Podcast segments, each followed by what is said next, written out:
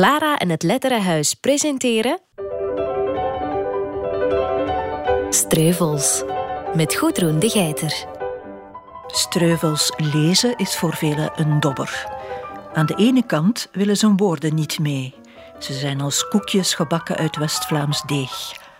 Anderen, zoals Anne Provoost, hebben daar dan weer minder moeite mee. Dat heeft alleen maar met de schrijfwijze te maken. Aan de andere kant zie je soms de bomen van het plot niet meer door het bos van de beschrijvingen. Net hierom is literatuurwetenschapper Tom Sintobin in het werk van Streuvels gedoken. Ik koos dan toch om naar die beschrijvingen te kijken en om eigenlijk die plaatsen in de tekst te lezen die lezers altijd overslaan. In de derde aflevering volgen we het werk van Streuvels via zijn lezers. Karel Plateau van het Streuvelsgenootschap. Als ik zeg ruttepetetten bijvoorbeeld, dat is mopperen. Kleindochter Leentje van de Meulenbroeken. Ik deed dat boekje open en daar waren bladzijden dichtgekleefd. Acteur Bruno van den Broeke. Gij staat ogen, mompelde hij in stille. Ik zal u wel hebben. En schrijver Koen Peters over Streuvels bekendste boek. Het is een vlasgaard, zoals een boomgaard en een wijngaard. En ik vraag me zelfs af, hadden ze dat niet beter gewoon van in het begin anders geschreven? En dan kom je al direct in die problematiek van de taal van, uh, van Streuvels. Maar inderdaad, een akker doorheen de seizoenen. En Streuvels had toch een geweldige sensibiliteit voor het boerenleven. En via de boer en de knecht met de akker, het paard, al die dieren die daar rondliepen. En heel die kleine microcosmos die op een boerderij zich bevindt. Ik ben een tijdje geleden veel met Rwanda bezig geweest. En Rwanda is, was zeker, een land van boeren. Iedereen leeft daar van zijn kleine akkertje op de heuvel. En een antropologe van Tervuren die had me gezegd: ja, weet je, als voorbereiding om naar Rwanda te gaan om met de boeren te praten, heb ik hier met boeren gepraat. En als geen ander heeft Stijn Streuvels die wereld geportretteerd. De boer die uh, enerzijds sluw is. En nu ga ik tegelijk een portret schetsen van Stijn Streuvels, die niet graag praat. En zeker niet over de moeilijke dingen, het relationele. En die zich constant afvraagt hoe hij moet omgaan met datgene wat hij niet kan beheersen. En dat is het weer. En dat is de gesteldheid van de bodem. En je kan dat natuurlijk wel op een of andere manier organiseren, maar uiteindelijk ben je toch overgeleverd aan die ene storm die plots over de vlasgaard heen gaat, het seizoen dat niet klopt. En de boer die houdt constant rekening met die zaken, speculeert daarover, uh, ziet wanneer de andere boeren inzaaien. Daarover gaat het ook in de vlasgaard. Niet te vroeg, niet te laat. Maar ook als er geoogst wordt, wanneer kom je met je oogst op de markt? De prijzen. En in die zin is de boer eigenlijk het begin van alles, van de economie. Market timing en dat soort zaken. Het omgaan met risico versus hoge opbrengst. En daar gaat het ook over in de vlasgaard. Dat zijn puur economische termen. En Streuvels die hield dat in de gaten. A me.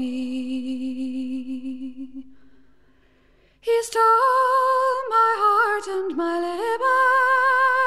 liberty.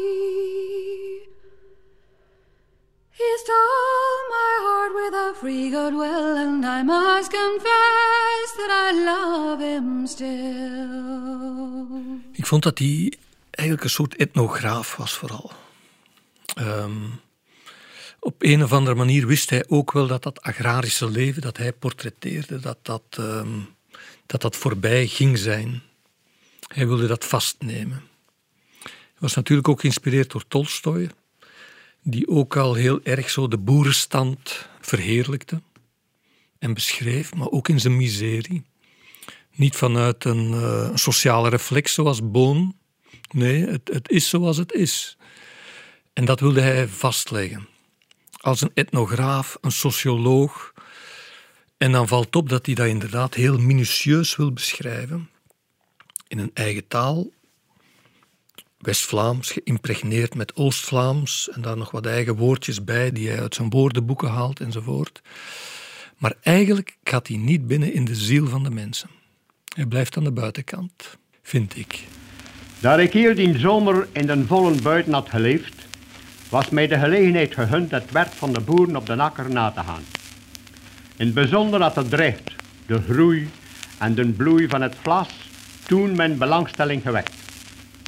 De kouter had ik zien beploegen, bemesten, de zaaier zien opstappen, de wietsters hun liedjes horen zingen, de slijters hun doening afgekeken, aan spel en dans op de vlasfooien meegedaan en er mij te degen aan verlustigd. Het een en het ander is dan in mij aan het broeien gegaan. Gekeerd en gewenteld tot het geleidelijk vorm en gestalte begon te krijgen. De handelende figuren elk in eigen aard en karakter uitgebeet stonden en daar middenin Orineke uitgegroeid tevoorschijn is gekomen onder de gedaante van Scarabelle. I wish, I wish, but it's all in vain. I wish I was a maid again. But again I never can be, since that a young is still by me. Hij verpreuvelde zijn ogen aan die gezonde, volvleesde deernen. Hij vond er altijd nieuw behagen in hen voor zijn dwingende blik te doen blozen. Maar in die kakelbonte bende was er één die hem bijzonder aantrok. En deze scheen het op te merken telkens hij haar blik toetste. Het meisje dat al zo lang op het hof woonde en dat ze Schelle Belle heette onder het volk, had hij nu eerst goed aan gang gezien en meteen was hem opgevallen. Hij zag haar doende tussen de anderen, hij hoorde haar klinkende stem bovenal uit en bemerkte hoe haar ogen straalden telkens zij opkeek. Het verwonderde hem. En hij wist niet hoe het mogelijk was niet eerder gezien te hebben dat ze zo schoon, zo welgemaakt en zo geestig was. De lenigheid en de vastheid stak van op het neer in haar gestalte en haar bleke rosse kroezelkop blonk uit tussen het bruine en het blonde haar der andere meisjes. Het deed de jonge boer bijzonder aan dat hij Schellebelle kon doen blozen, maar dat zijn blik al duwde, haar twee blauwe kijkers bleven zonder schroom in de zijne staren tot hij zelf de duw terugkreeg en elderwaarts kijken moest. Gij ogen, mompelde hij in stille, ik zal u wel hebben. Daar verdoolde zij weer in de bende. Hij onderscheidde nog even de kleur van haar kroezelkop. Hij volgde het bleekblauwe geperkte jakje dat spande op haar lijf en plooide met het wringen van haar smijdige leden in de verende stap. Go dig my grave both long and deep. Put a marble stone at my head and feet, and at my breast lay a snow white dove to let the world know that I died for love. Twee, het generatieconflict. Een man die oud wordt en plots ziet dat zijn zoon uh, succes heeft bij jonge vrouwen en die constant discussieert en vooral discussieert door te zwijgen. Typisch West-Vlaams ook, denk ik. En typisch voor boeren ook er niet over kunnen praten en dus zwijgen. In de, de boeken van Streuvels, iedereen zwijgt daarin. Fantastisch hoe dat Streuvels dat dan doet, met zo'n lyrisch, uitbundige taal. Spreken over mensen die zwijgen. Il faut le faire. En dat generatieconflict dat gaat natuurlijk ook weer over de tijd. Net zoals hij de tijd, de seizoenen wil beheersen, zit hij dan plots met die tijd in zichzelf. Het boek eindigt tragisch. Je weet niet hoe het eindigt. Eh, de zoon is niet dood, hij ligt daar. Hij zit er nog mee. Stel je voor, hij heeft hem een klop gegeven, woedend. Dat is dan de taal die hij dan wel spreekt.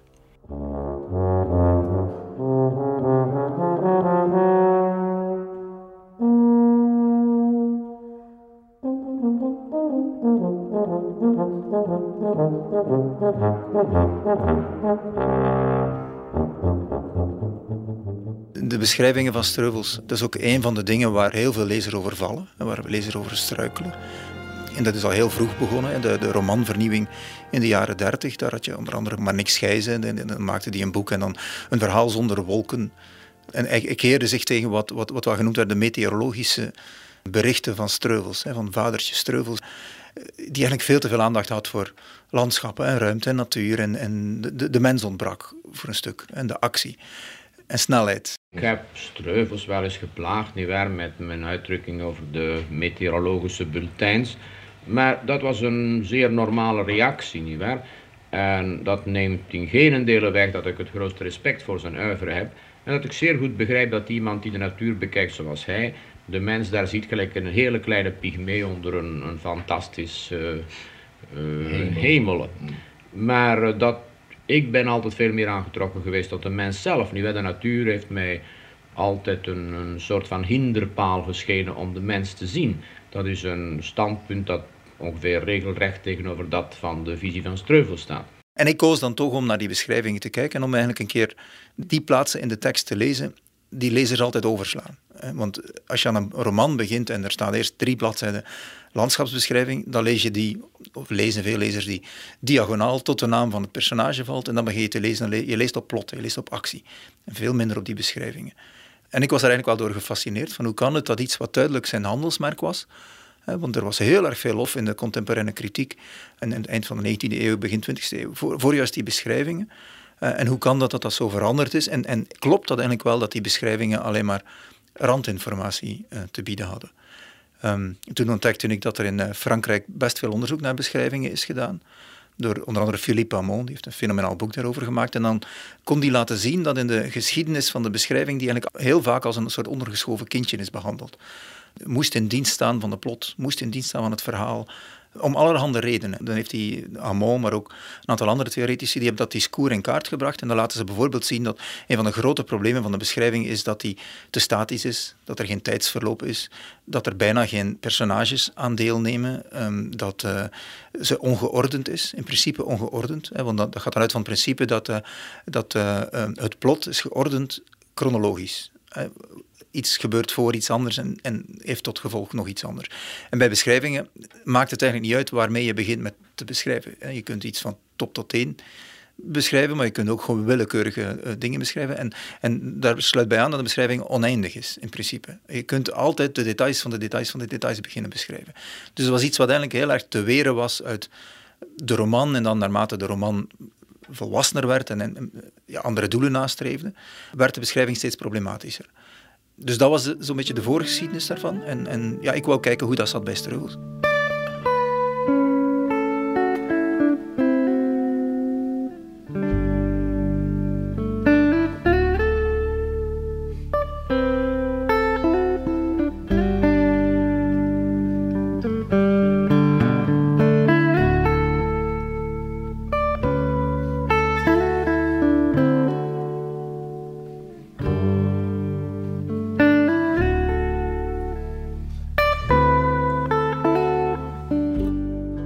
Vrij vooringenomen, want mijn vraag was niet zozeer zijn die beschrijvingen wel zinvol, maar gewoon, ik ga nu laten zien dat die beschrijvingen niet zomaar overgeslagen kunnen worden.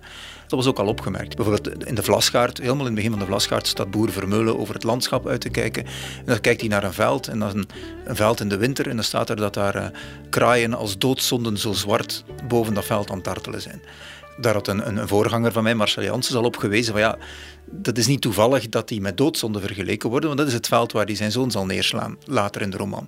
Dus ik had hele sterke aanwijzingen dat die beschrijvingen niet zomaar veel schrijverij waren. Want boze tongen hebben wel beweerd dat nogal wat van die 19e-eeuwse en vroeg 20e-eeuwse auteurs hele lange beschrijvingen maakten, omdat ze per bladzijde betaald werden. Van Couperus is dat bijvoorbeeld wel gezegd, hè, dat hij voor de bladen vol moest schrijven. En dus een beschrijving, dat schrijft lekker weg, zoals ik net ook al uitlegde. Maar ik ging ervan uit, en ik denk ook dat ik dat in sommige gevallen heb kunnen laten zien, dat, dat die beschrijvingen best uitgekiend waren. Maar die beschrijvingen worden ook opgeladen met, met tips en hints en suggesties leessleutels zou je kunnen zeggen. Zoals je muzieksleutel hebt, maar leessleutels, hoe je de rest van de roman zou kunnen lezen. Dus dat heb ik onderzocht en laten zien, maar tegelijkertijd was ik wel ervan bewust dat mijn leestruc niet altijd werkte. Um, er waren heel veel dingen aan het gebeuren in die romans die nooit meer terugkwamen. Je hebt zo'n verhaal van, van Streuvels en daar zit een man voortdurend met een touwtje te spelen. Een koortje. En in de loop van dat verhaal knoopt hij zich op aan dat koortje. En dan zie je eigenlijk dat dat koortje een onderdeel van de objectenwereld van die roman, hè, de, van de ruimte, dus van de beschrijving van die roman, niet toevallig is. De verteller vraagt voortdurend aandacht voor dat koortje. En dat komt eigenlijk omdat je eigenlijk al moet zien van ja, dat is het levenskoord, of dat, het koord dat het einde zal maken aan het leven. Dus daar werkte het. Maar een ander verhaal van Streuvels is er ook zo'n koortje dat voortdurend wordt beschreven en dat daarin hangt te zwemelen in de wind, et cetera. En daar gebeurt helemaal niks mee.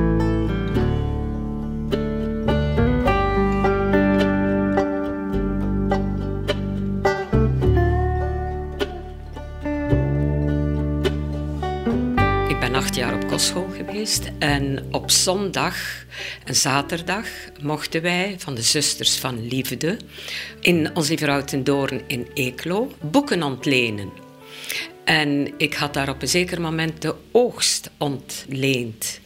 Maar ik deed dat boekje open en daar waren bladzijden dichtgekleefd. En ik eh, begreep dat helemaal niet, waarom dat. En ik durfde dat niet zeggen aan de zusters. En toen ik vier weken later, want wij waren drie à vier weken eh, op kostschool, eh, dan heb ik dat thuis verteld. Ja, en dan kreeg ik de uitleg natuurlijk. De oogst is 100 bladzijden lang. En hij heeft het geschreven in 1900, dus 60 jaar geleden. Het verhaal is vrij simpel. Men heeft als hoofdpersonage in het begin de jonge Rick die verliefd wordt op een jong meisje dat hij niet durft te benaderen omdat hij denkt dat hij van een te lage stand is, dat hij niet voldoende geld heeft om haar te bekoren. En hij besluit om met zijn makkers naar de oogst te gaan, om met het geld dat hij daar verdienen zal, haar zijn aanzoek, zijn liefdesverklaring te doen. Het boek begint met de evocatie van die liefde. Het is verwonderlijk dat in de jaren die ons van Streuvels scheiden, in die 60 jaar, er zo weinig veranderd is in de roerselen van een eerste liefde. Namelijk dit mengsel van een onbestemde sensualiteit en verafgoding van de geliefde vrouw. Dit alles is zo treffend en zo helder neergeschreven door Streuvels dat het geldt voor nu. De mensen, de pikkers, vertrekken uit het dorp, uit een land. Ze gaan het vreemde land binnen te voet. Op weg naar die onafzienbare vlakte die zij bezwerend onder elkaar oproepen. In het korenveld waar de oogst gedaan moet worden. En eindelijk arriveren ze daar. Het is een hoeve, zo groot als een stad. En zij kunnen, zover ze zien, alleen maar koren en zon zien. Hier is een Streuvels dan aan het woord. Wanneer de oogst begint, wanneer dit machtig labeur eindelijk zijn ingang vindt, die volgens mij een evenknie is van de grootste uit de literatuur van onze tijd. Klaus heeft ook genoeg raadsels en mysteries en verwijzingen, maar ook losse eindjes in zijn oeuvre ingebouwd om, om hele generaties bezig te houden.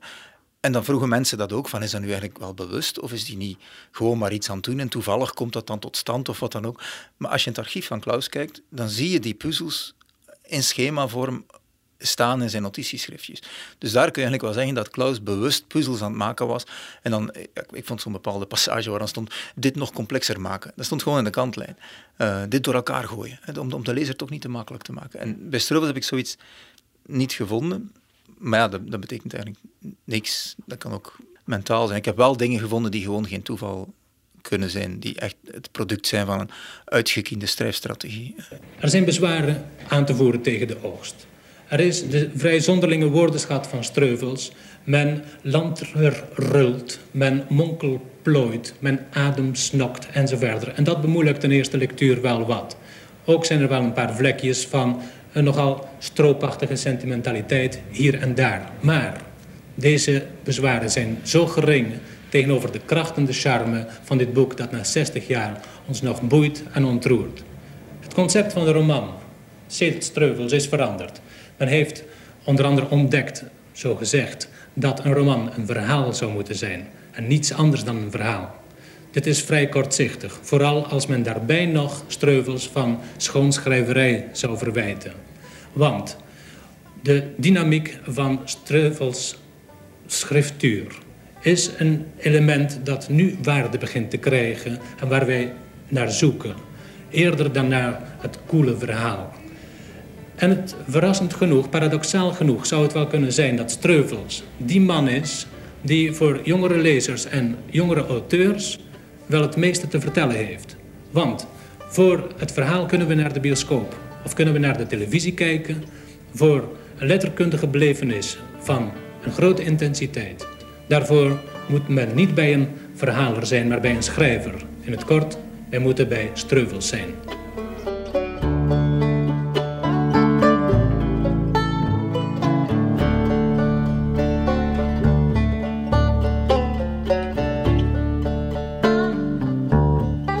Is een woordenboek gemaakt, dat is een doctoraat, op de taal van Streuvels. Daarin staan er 14.000 lemma's. Dat is Hubert Lemaire geweest. Die heeft heel de Vandalen uh, vergeleken met 22.000 pagina's Streuvels uitgaves.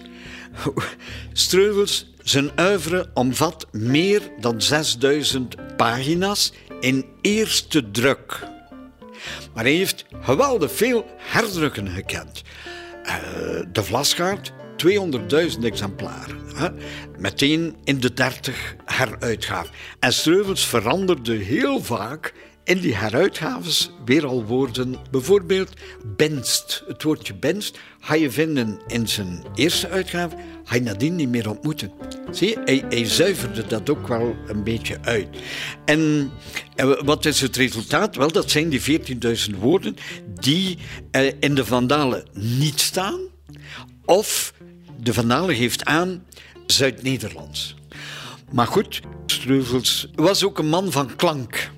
En als ik zeg uh, Rutte-petutten bijvoorbeeld, dat is niet meer Rutten die aan het petutten gaat, maar dat is mopperen. Wel, als je in de zin dan leest hè, dat er een en hij ruttepetut en dan lees je verder in de context, ga jij als lezer niet veel moeite hebben. Zo, wat staat er hier nu? Hè? Maar dat is dus een, een binnenklank, hè? Die, een binnenrijm, een assonantie die ontstaat. En zo heb je schelle bellen, roetekoeten. Uh, en, en ik kan een heel lijstje gaan voorlezen van woorden waarin klinkers zich herhalen heeft mij om het even welke acteur, hè? Bruno van den Broeke. Maar dat heb ik natuurlijk klappers aangehaald. Maar heeft mij andere leraren of leraressen woordkunst of zo. Laat ze Streuvels voorlezen. Iedereen begrijpt waarover het gaat.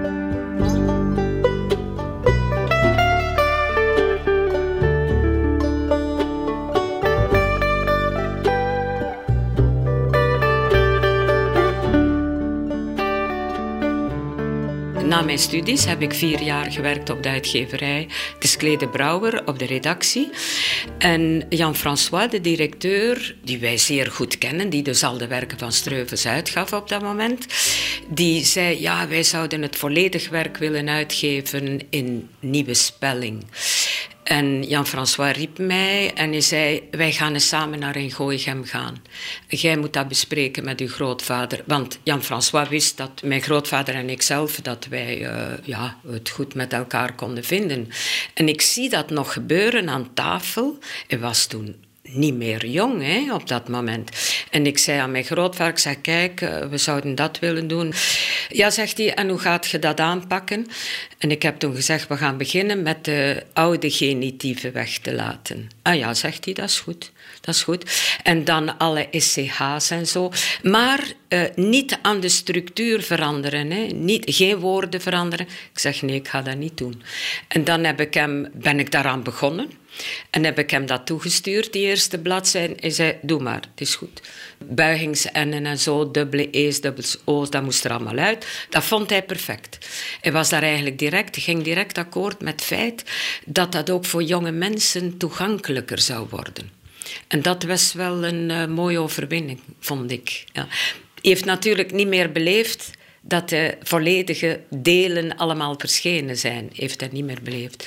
Maar door het werk van Hubert Lemaire is dan na zijn dood de heruitgave, waar ook eh, Leentje van de Mullenbroeken, zijn oudste klinken, heel sterk heeft aan meegewerkt, heeft men in de voetnoten de onbegrijpbare woorden, ja, op basis van Hubert Lemaire, zijn werk, heeft men die allemaal in voetnoot gezet. Moet je die voetnoten bekijken? Het is up to you. Hè. Um, waarom zou je ze niet erbij nemen? Vooral als je leert daarmee kennis maken.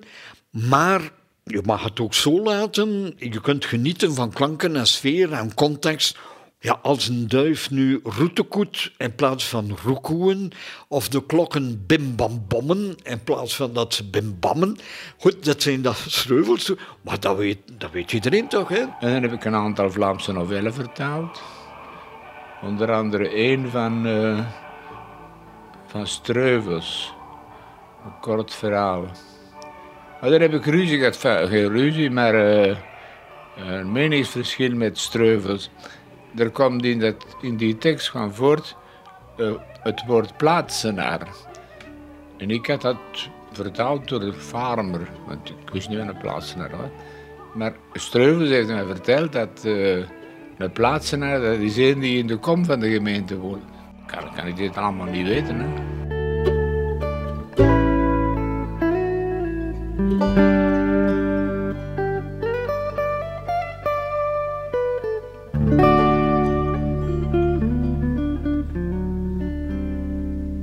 Een klassieke barrière is de barrière die wij allemaal gekend hebben, denk ik. En die dus ook geldt voor mij, wat misschien een beetje opvallend is, is dat wij dachten dat die taal eh, niet meer te lezen was. Maar dat heeft alleen maar met de schrijfwijze te maken. Want als ik die oude boeken in de oude druk, want dat was hoe ze bij ons beschikbaar waren. Als ik die auditief lees, dus eigenlijk fonetisch lees, dan begrijp ik die woorden bijna allemaal. Er is eigenlijk heel weinig waar ik moet naar gissen. Nu, er zitten heel veel neologismen in en dan kun je moeilijk zeggen ik begrijp ze. Je kunt niet zeggen ik ken ze, mijn grootmoeder gebruikte ze, want dat kan niet kloppen, want hij verzon ze. Maar de vondst die hij naar voren schuift, die heeft altijd wel te maken met een klank die wij dan wel weer kenden.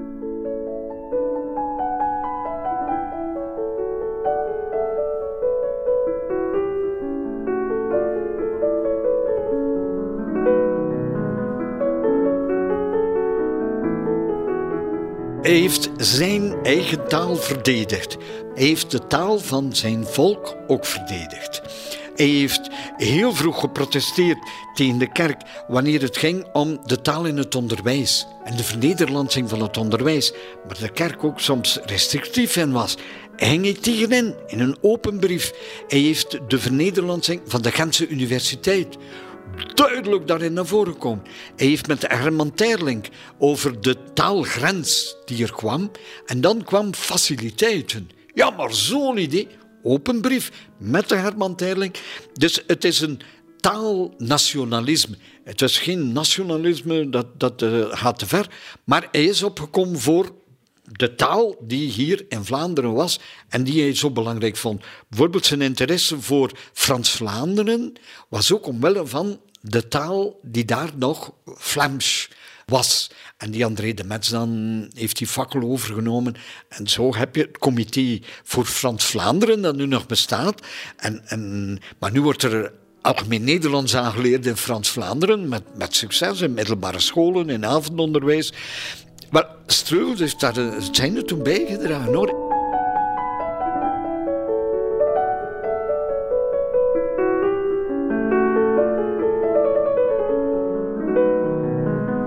Je noemde Streuvels net een streekauteur.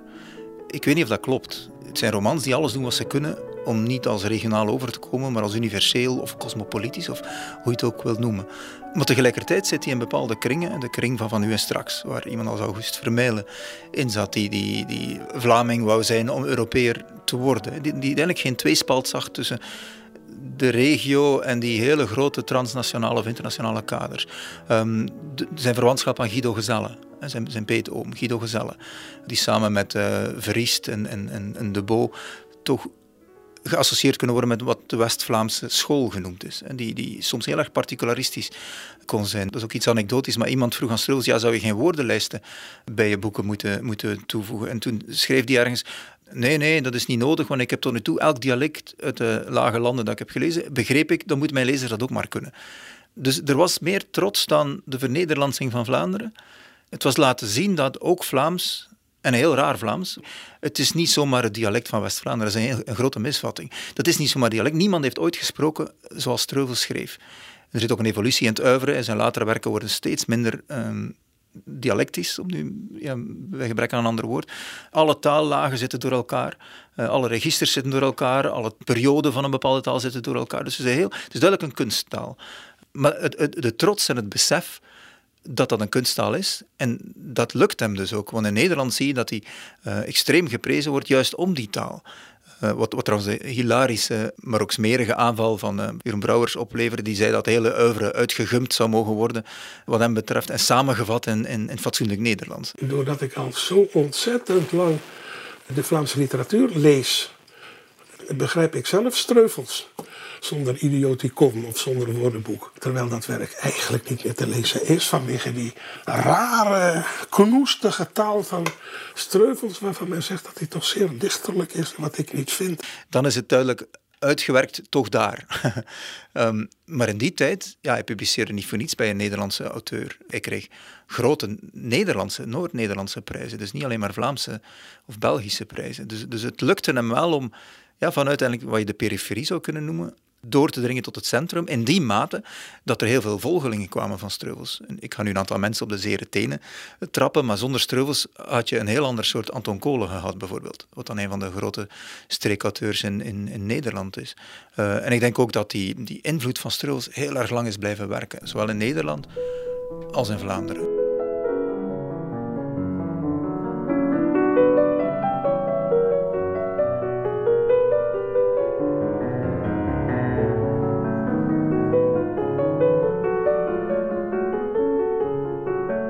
Wordt niet voor niks de schilder met de pen genoemd. Dus iemand die schrijft en zijn woorden gebruikt als, als verf. En daar ligt misschien ook een sleutel om te begrijpen wat die, al die beschrijvingen in dat oeuvre staan te doen. Nogmaals, ervan uitgaand dat er niet puur broodschrijverij is om meer bladzijden te genereren.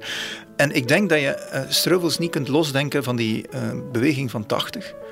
Uh, eh, waar je dus impressionistische schrijvers hebt, die dus echt gaan proberen om met woorden de schilderkunst aan de kroon te steken. En dan, dan denk ik aan, aan bijvoorbeeld Van Dijssel of Prins, die, die een heel vreemd, heel ja, um, lastig, onverteerbaar proza beginnen te schrijven. Eigenlijk een soort kruising tussen proza en poëzie en toch nog iets anders met heel veel neologismen, heel veel vreemde woorden die voortdurend op zoek zijn naar wat zij noemen de le mot juste, het juiste woord, om het juiste kleurtje weer te geven.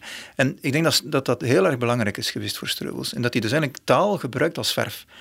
En ik heb, ja, ik heb hier een citaat. Dat komt uit een uh, brief van Stijn Streuvels aan Emmanuel de Boom uit 1896. En dan heeft hij het over zijn Vlaamse taal. Hè. En dan zegt hij: En wij Vlamingen die zo een onuitputbare schat van veelbetekenende en diepgaande woorden en wendingen bezitten. En wat een genot voor een schrijver van daar het fijnste uit te speuren, het nauwgezetste nuanceke te kunnen weergeven door een taalzeisel, door hemzelf gevonden, geschaffen, te kunnen schilderen, zeggen met kleuren wat je uw medemensen wilt wijsmaken. Dus daar zie je wat hij aan het doen is. Dus hij, hij wil schilderen, schilderen met woorden, zeggen met kleuren. En dan heeft hij dus kleurrijke woorden nodig. En dat is voor hem, denk ik, meer dan een metafoor. Hij gaat die woorden zoeken, bijvoorbeeld in het dialect. Of hij gaat die zoeken, bijvoorbeeld in iets wat hij van Guido Gezelle had gekregen. Die, die, die woordtas, die map met de, de noeste arbeid van Guido Gezelle, die ja, heel veel woorden uit oude boeken, nieuwere boeken, die hij gehoord had uh, uit de volksmond, optekende. En Streuvels gaat die gebruiken. En, Streuvels kende ook heel goed het idioticon van, van de boom, een soort dialectwoordenboek. Dus hij wil eigenlijk gewoon laten zien dat het West-Vlaams en met name de volkstaal hem in staat stelt om kleurrijker te schrijven. En het is meer dan een metafoor, want hij schildert met woorden. En als je dat weet, dan zie je in één keer waarom die beschrijvingen zo onverteerbaar zijn. En als je dat leest en je wil eigenlijk dat behandelen vanuit de poëtica van ik lees op gebeurtenissen, ik ben op zoek naar een plot, dat werkt niet, want dat is ook niet de insteek van die beschrijvingen. Die beschrijvingen die willen eigenlijk een soort schilderij worden. Het is zoals een schilder, een impressionistische schilder. Als je naar zo'n schilderij kijkt en je kijkt naar de plot, ja, er is ook niet veel van te vertellen. Weet je? Ja, je kunt zeggen, uh, een bepaald landschap uh, in de herfst en de lente, uh, de winter, de zomer, dat is een soort van tijdsverloop. Maar meestal is het een impressie van een moment. En ik denk als je met die bril naar die beschrijvingen kijkt en beseft dat dat plot daar niet alleen bepalend is, dat je plotseling beseft dat het probleem misschien bij jou ligt en niet bij de tekst. En dat die tekst gewoon een ander soort lezer veronderstelt.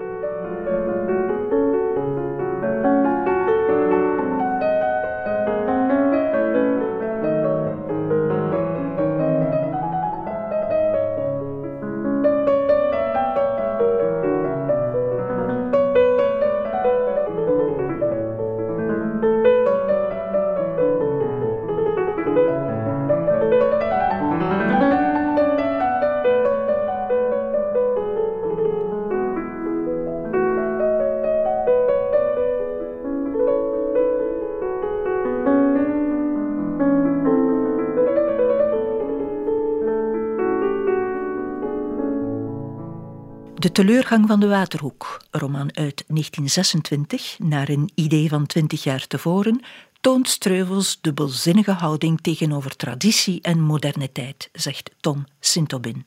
Er wordt een brug gebouwd en die brug maakt een oude gemeenschap onmogelijk. Schrijfster Anne Provoost is diep in de novelle De Blijde Dag gedoken. Dat waren de nun. En ik stel u nog een vriend van Streuvels voor, André de Metz. En een onvermoed familielid. Ik ben Paul de Metz en ik ben dichter. En we zitten hier in mijn geliefde Machelen aan de. Streuvels was een van de schrijvers van wie er werk in huis was. Een van de weinige schrijvers. Het was werk van, van hem en van Ernest Klaas en een beetje Cyril en, en dat was het. Er is ook een andere reden. Ik ben eigenlijk familie, zo blijkt, van André de Metz. En dat is vreemd, want uh, dat vond jonge kerel ook vreemd, want mijn familienaam wordt anders gespeld. André de DTS, bij mij TS. Maar André heeft zelf verteld aan mijn ouders, dan was ik 16 of zo, en onwillig, dus ik wou er liever niet mee te maken hebben, dat wij familie zijn, want hij had zelf aan een stamboom gewerkt. En volgens hem had het te maken met een bruzie tussen twee broers. Een van die twee zou een schuur in brand gestoken hebben. En de ander wou er geen familie meer van zijn. En uh, ja, ik heb dat over mijn schouder gegooid. Uh, maar twee jaar geleden is een neef van mij aan een stamboom begonnen. Volledig onafhankelijk van die. En die kwam met een gelijkaardig verhaal.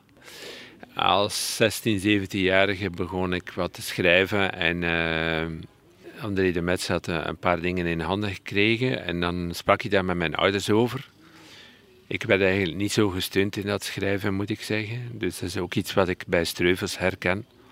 Zijn moeder die echt uh, fulmineerde tegen hem en, en zei, uh, maar dan, dan op een andere manier, in, in haar taal, je zal nog zot worden van die boeken lezen. En, en ja, bij mij was het eigenlijk ook het geval. maar, maar André gaf daar wel signalen over.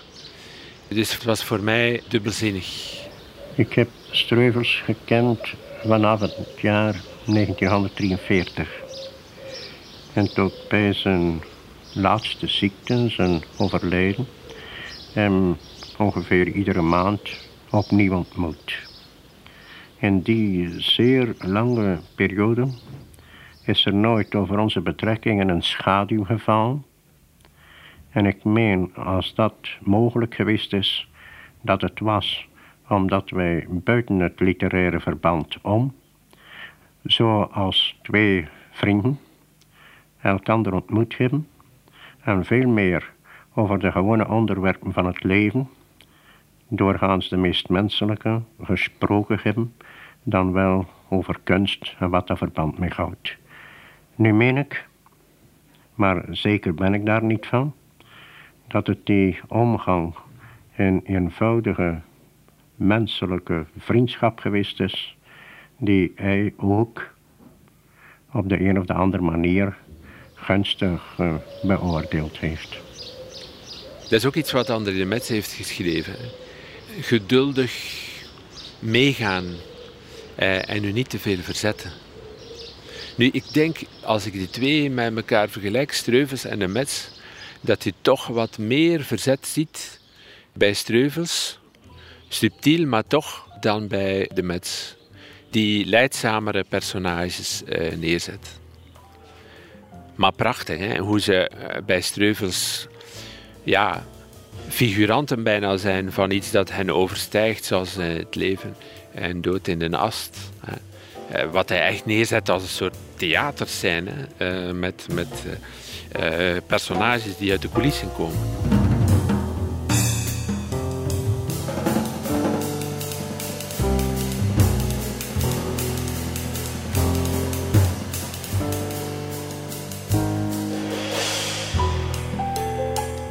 Las voor in Groningen en ik had het over de taal en het taalgebruik.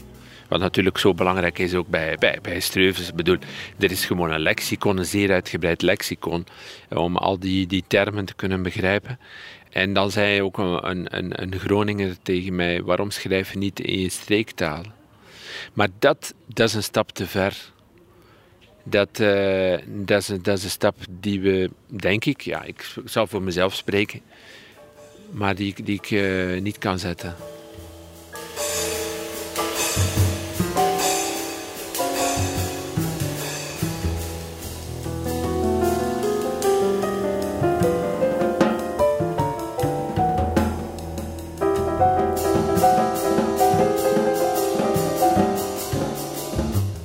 bij hem is de natuur nooit een decor. De natuur is, is echt een, een protagonist en alles bepalend. En dat zie je bijvoorbeeld in de Vlasgaard, maar dat zie je ook al in zijn, zijn allereerste werk. En trouwens, dat, dat eerste verhaal, die verhalenbundel waarmee hij gedebuteerd is, De Witte Zandweg, vind ik fascinerend omdat je daar meteen ook al die bijna kosmische band ziet tussen, tussen mens en natuur. En het gaat vooral ook om uh, kijken en bekeken worden.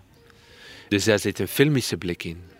En dat heeft mij geïnspireerd uh, en is mij, is mij blijven fascineren. Streuvels ziet de mens als een deel van de kosmos, bewogen door dezelfde cyclische wetten die het al beheersen. In West-Vlaanderen worden die wetten in vier woorden in een rijmpje samengevat groeien, plooien, stilstaan en vergaan. Maar de mens kan zich niet altijd aan die wetten onderwerpen en komt in opstand tegen zijn lot. Dat verzet eindigt meestal, zoals bij boer Vermeulen uit de Vlasgaard en tekenbroeken uit de teleurgang van de Waterhoek, met een catastrofe, die de eerste zijn levenswil en levenstrots en de tweede zijn verstand ontneemt. Streuvels heeft zich voortdurend de vraag gesteld of er geen mogelijkheid bestaat om aan die noodlotsdwang te ontsnappen.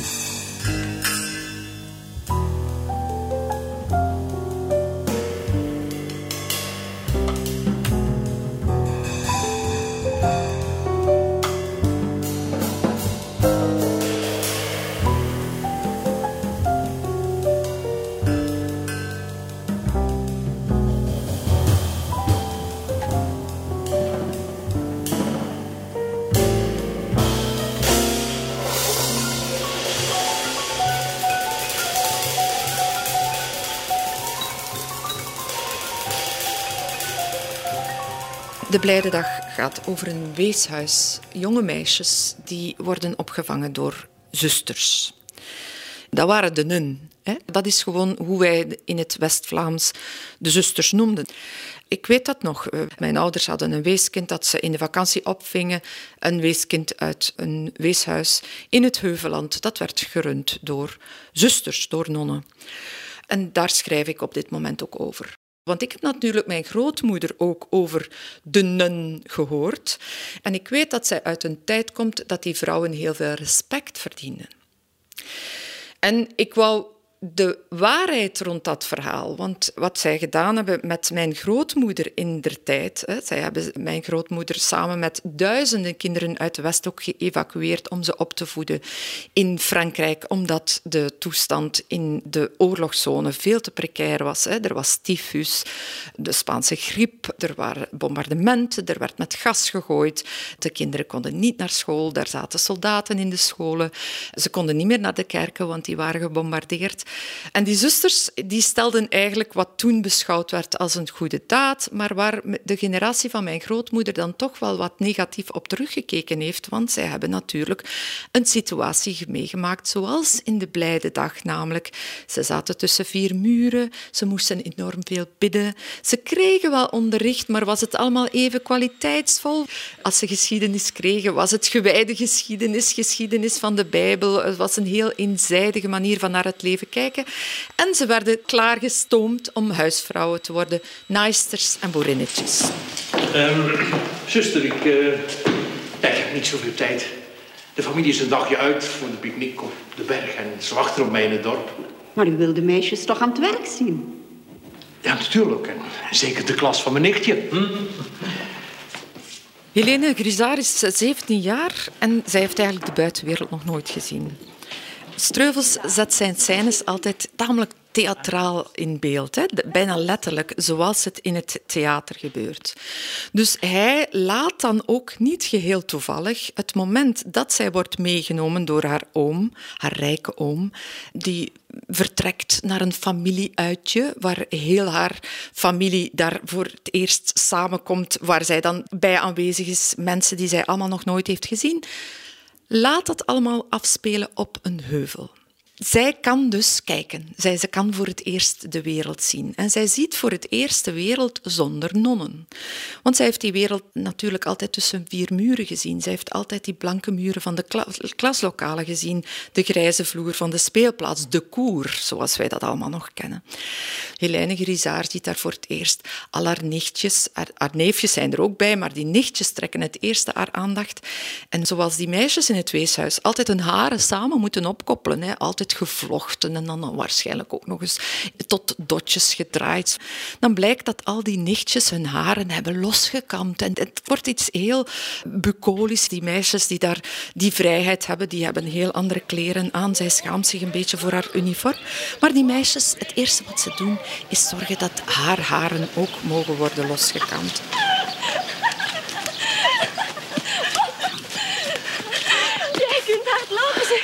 Je lijkt wel een beul dat voor het eerst wordt losgelaten. Hoe laat is Kwart voor twaalf. Waarom? Dan zitten ze nog in de klas.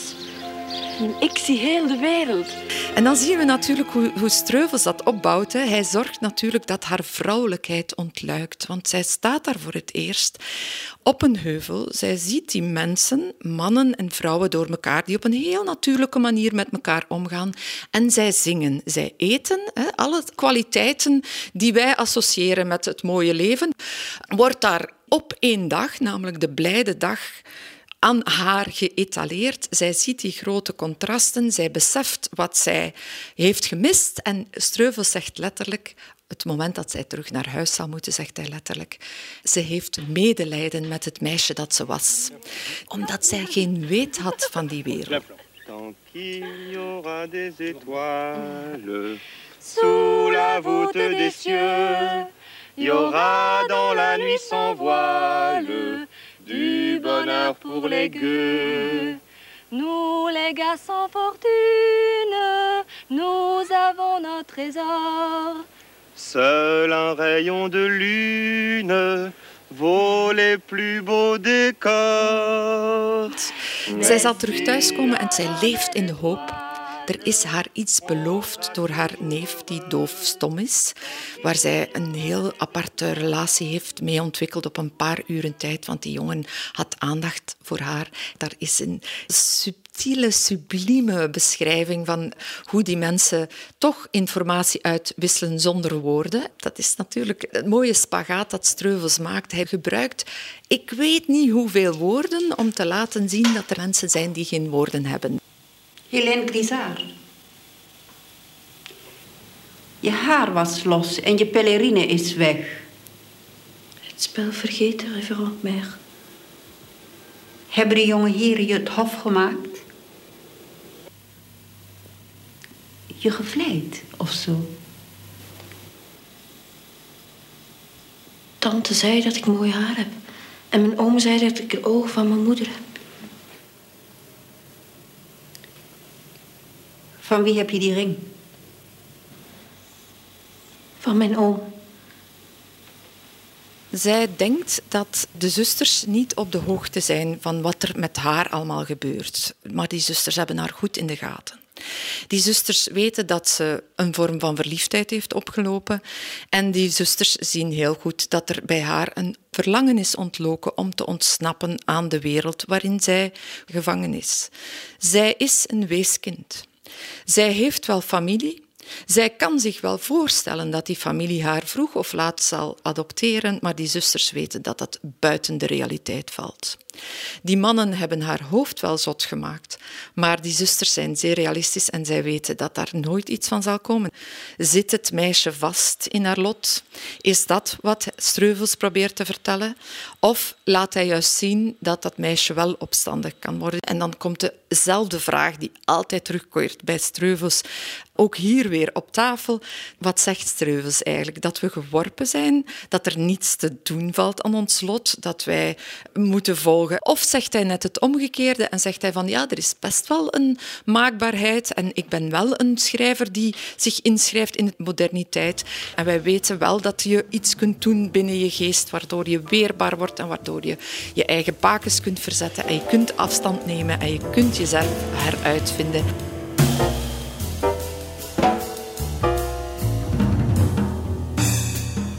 Maar wat is zijn finale boodschap? Zegt hij aan de vrouw: breek uit?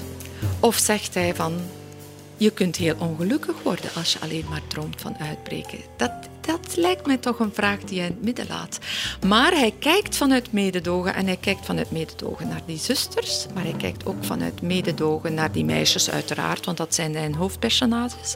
Maar ik denk zelf dat hij met mededogen kijkt naar die twee mannen die haar hoofd op hol brengen. Want ik heb de indruk dat hij vindt dat die mannen ook echt wel een goede daad hebben gesteld. Ze hebben dat meisje uit haar context gehaald. Ze hebben iets gedaan wat ze helemaal niet moesten doen. Er was niemand die hen verplichtte om dat weesmeisje eens mee te nemen op een familieuitje. Dus ook daar blijft Streuvels zeggen van ik veroordeel die mannen niet.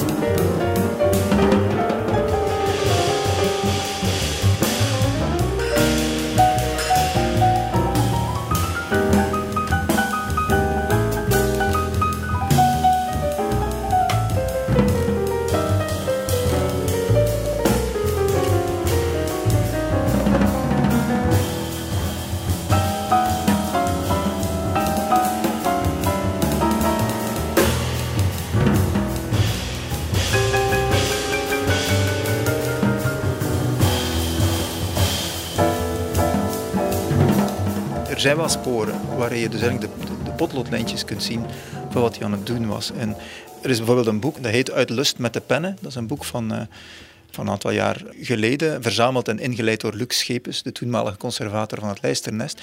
En daar is er dus een verhaal van Streuvels, dat heet uh, Kermis Maandag. Uh, en dat is iets wat hij dus eigenlijk had gepubliceerd om in zijn boekje te laten kijken, om in zijn schrijfboekje te laten kijken. Dat uh, staat er ook bij. In een voetnoot staat er dan...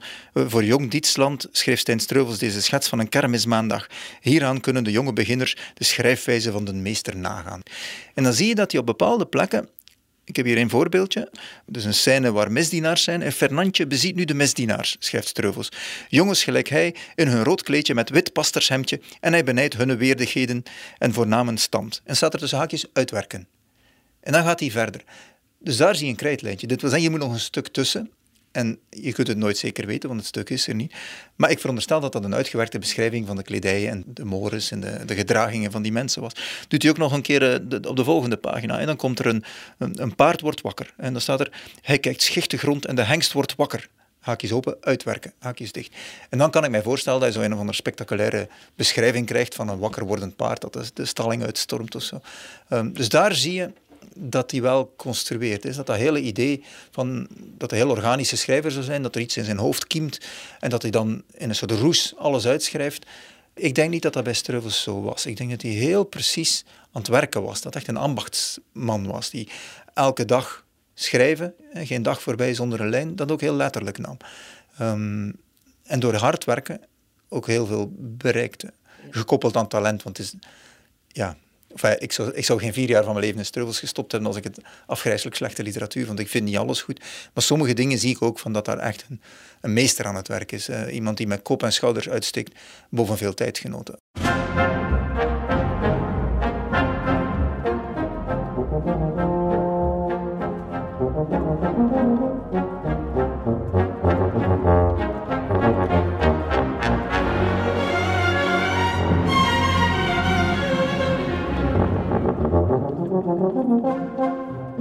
Dat is zeker een van de kernthemata van Streuvels. De verhouding tussen mens en natuur en wie is er nu eigenlijk aan de macht en wie handelt er.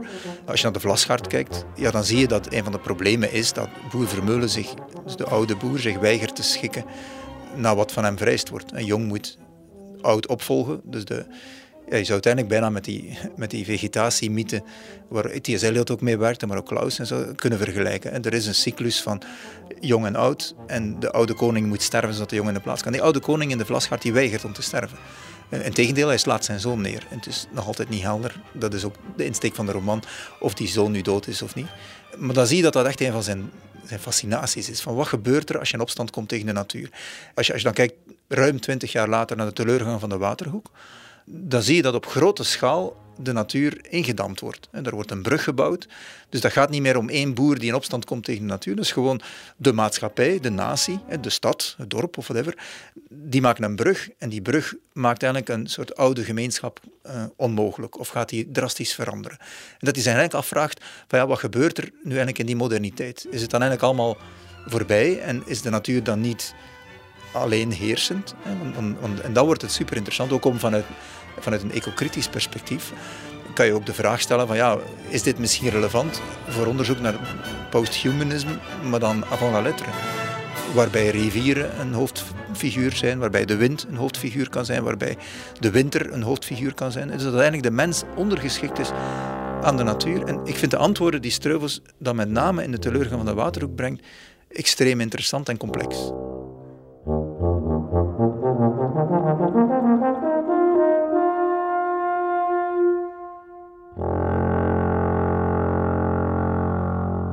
Nu werden de mannen van de Waterhoek gewaar dat zij een dom figuur sloegen. Dat zij de gelegenheid hadden laten voorbijgaan en het nu, met de schelde tussen hen in, niet meer ging om ruzie te maken. Die kerel had ons voor naap, spotte Plaket. Die komt tenminste zonder gendarmen.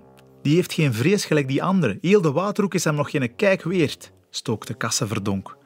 Stroe zeker, pretmaker, rat en stas schreeuwde Krabbe, ineens opgewonden en hem ik dreigende gebaren naar de overkant. Zwijg, zot! Laat hij eerst hier weer komen dat we ze te pakken krijgen, schold Maas. Moeten we ons van zulke neerschap laten uitschijten? Hadden we die neuzenmaker van eerst af in de schelde gegooid, meende Spekkerelle. We zullen nog de kans hebben, kom, spotte Schepie. Nu bracht elk zijn mening bij en er werd overlegd en besloten die een aap met zijn grijze jas een dans te leren en hem een davering toe te dienen. Doch Kasse Verdonk, die het gezag voerde omdat hij de enigst volslagen vent was in heel die bende jonkheden, Kasse uitte een andere mening. We moeten het hem de volgende keer lappen. We zijn hier met te veel, fluisterde hij met gemaakte geheimzinnigheid. Van hieruit gezien kregen zij achterna de indruk dat de doening dier vreemde mensen, versmoord in de eendelijkheid van de meers, een gebeurtenis was van danig luttelbelang dat zij er stonden op te gapen like onnozelaars. En de schaamte miek en nijdig. Kom, kom, we vegen er de botten aan. Ze kunnen hier meten wat ze willen.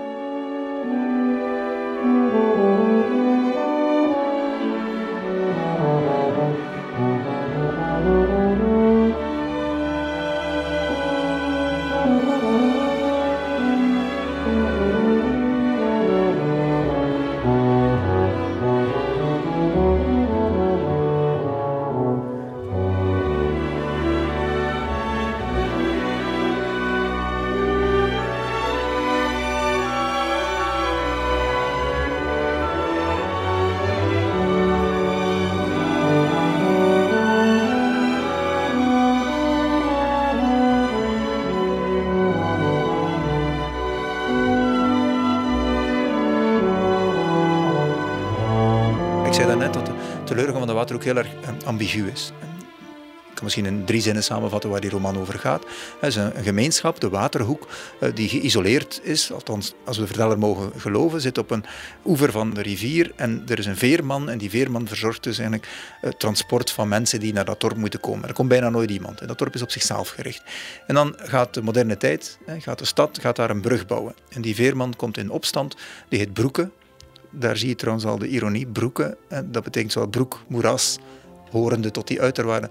Maar ook kan je dat verbinden met het Duitse woord voor, voor brug. Dus hij incarneert zowel de moderne brug als de oude wereld van het onheldere moeras. Dus Broeke komt in opstand, wordt een van die landmeters vermoord. Ehm, helemaal op het einde echter blijkt dat die brug er toch komt. En dan uh, de rest van, van zijn leven, volgens de verteller, zet Broeke dus onzichtbare mensen over met zijn veerpontje. Met aan zijn zij enkel nog de lamme treute, dus een persoon met een hele ernstige handicap, die maar één zin kan zeggen, nou wat ga je te? Waar ga je naartoe dan? En dat is het verhaal van Teleur van de Waterhoek. En als je dat de eerste keer leest en je gelooft de verteller op zijn woord, dan, je bent geneigd om dat te doen. Want als je de verteller meteen wantrouwt, dan heb je wel een dik probleem vaak. Maar je gelooft dan op zijn woord en je let op bepaalde passages, dan denk je, ja, deze verteller betreurt dat de eigenheid van de Waterhoek verloren is gegaan. Dus die verteller tekent protest aan tegen de moderniteit. Dat zou je denken. Maar als je nauwkeuriger begint te lezen, dan zie je, ja, maar wat heeft dat isolement eigenlijk opgeleverd? En dan zie je dat Broeke dus overblijft met iemand die zwaar aan een zware handicap leidt, een zware fysieke beperking en een mentale beperking. En dat er eerder in de roman is gezegd dat ze al eeuwenlang onder elkaar aan het huwen waren. En als je dat in de context plaatst van die eind jaren 20, begin jaren 30, dan heb je heel sterk discours over degeneratie degeneratie en isolement. Ik heb, ik heb een keer een boek gemaakt over Urk, het eiland Urk, uh, dat uh, ook uit zijn isolement opgeheven werd toen de afsluitdijk gebouwd werd en Urk werd. In plaats van een eiland in de Zuiderzee werd Urk een stuk van de polder. Um, en de argumenten die toen, en dat is eind jaren twintig, werden ingezet om die uh, dat de-isoleren, opheffen van het isolement, te rechtvaardigen was, ja, maar dat zijn er allemaal mismaakten, want ze trouwen al zo lang onder elkaar. Dat was gewoon een argument in het publieke discours. En ik heb ooit een keer een artikel gemaakt waar ik al die um, degeneratiegedachten uit de jaren 20 en 30 op een rijtje zette.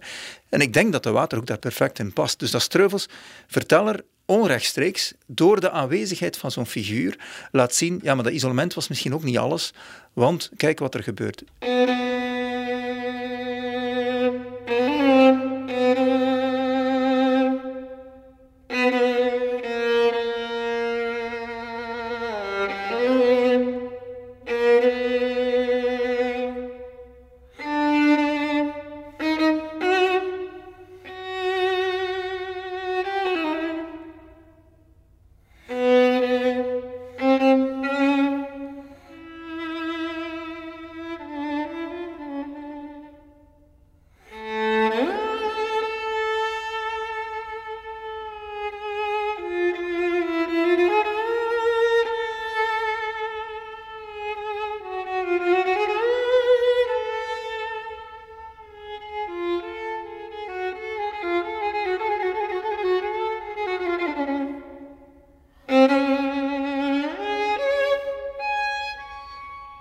Vinnige gevonkel uit haar ogen was in strijd met de beeldstrakke houding van haar lijf en onverschillige uitdrukking op het gelaat. En toch ging er een verdorven en verleidelijk ontroerende indruk van wellust en wulpsheid van heel haar wezen uit, zonder dat men raden kon waar dat vandaan kwam.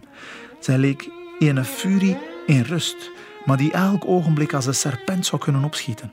Hartstocht in slaap, gereed om in laaie vlam uit te barsten. Maurice had lek verlamd en voelde zich zonder wil of verweer opgezogen door de toverkracht waarmee die vreemde Egyptendeerne hem in haar macht hield, hem verplichtte haar aan te kijken, hem met angstige verwachting vervulde voor hetgeen gebeuren ging.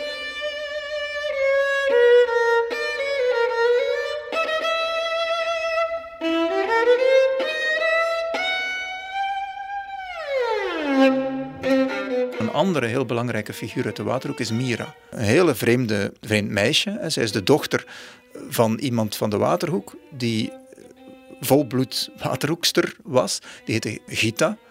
Die is naar Frankrijk gevlucht of, of getrokken toen ze jong was. Ze kwam terug, ze was zwanger, ze heeft dat kind daar achtergelaten. Niemand weet precies van wie dat kind is. En dat is dus Mira. Dus Mira en Gita zijn hele rare figuren, omdat Gita is 100% waterhoek en toch iets helemaal anders. Het is iemand met de zucht naar de wereld, iemand met zin voor avontuur, iemand die zich niet neerlegt bij die extreme ja, inperkingen die de Waterhoek oplegt aan de bewoning. Dus een soort ideale figuur. En zowel de Lamme Treute als Gita stammen 100% uit de Waterhoek. En in dat opzicht is het einde van de roman typerend. Dus de, er staat dat eh, de geest van de Waterhoek verdwijnt. Maar dat is ongeveer één of twee bladzijden eh, in de buurt daarvan staat er dat Mira de trein neemt en naar de stad gaat en eh, uit het venster zit te kijken. Dus eigenlijk de geest verdwijnt en Mira gaat de stad uit. Wat eigenlijk betekent dat Mira eh, een soort compromisfiguur of een soort synthesefiguur, want ze is afkomstig uit de buitenwereld, ergens Frankrijk en uit de Waterhoek, die idealen met zich meeneemt. En, en, dan zie je dat je op een heel onrechtstreekse manier een pleidooi krijgt voor vermenging van moderniteit en traditie. Um, en dat maakt Streuvels zo ongelooflijk fascinerend, omdat je altijd die dubbele boodschappen krijgt.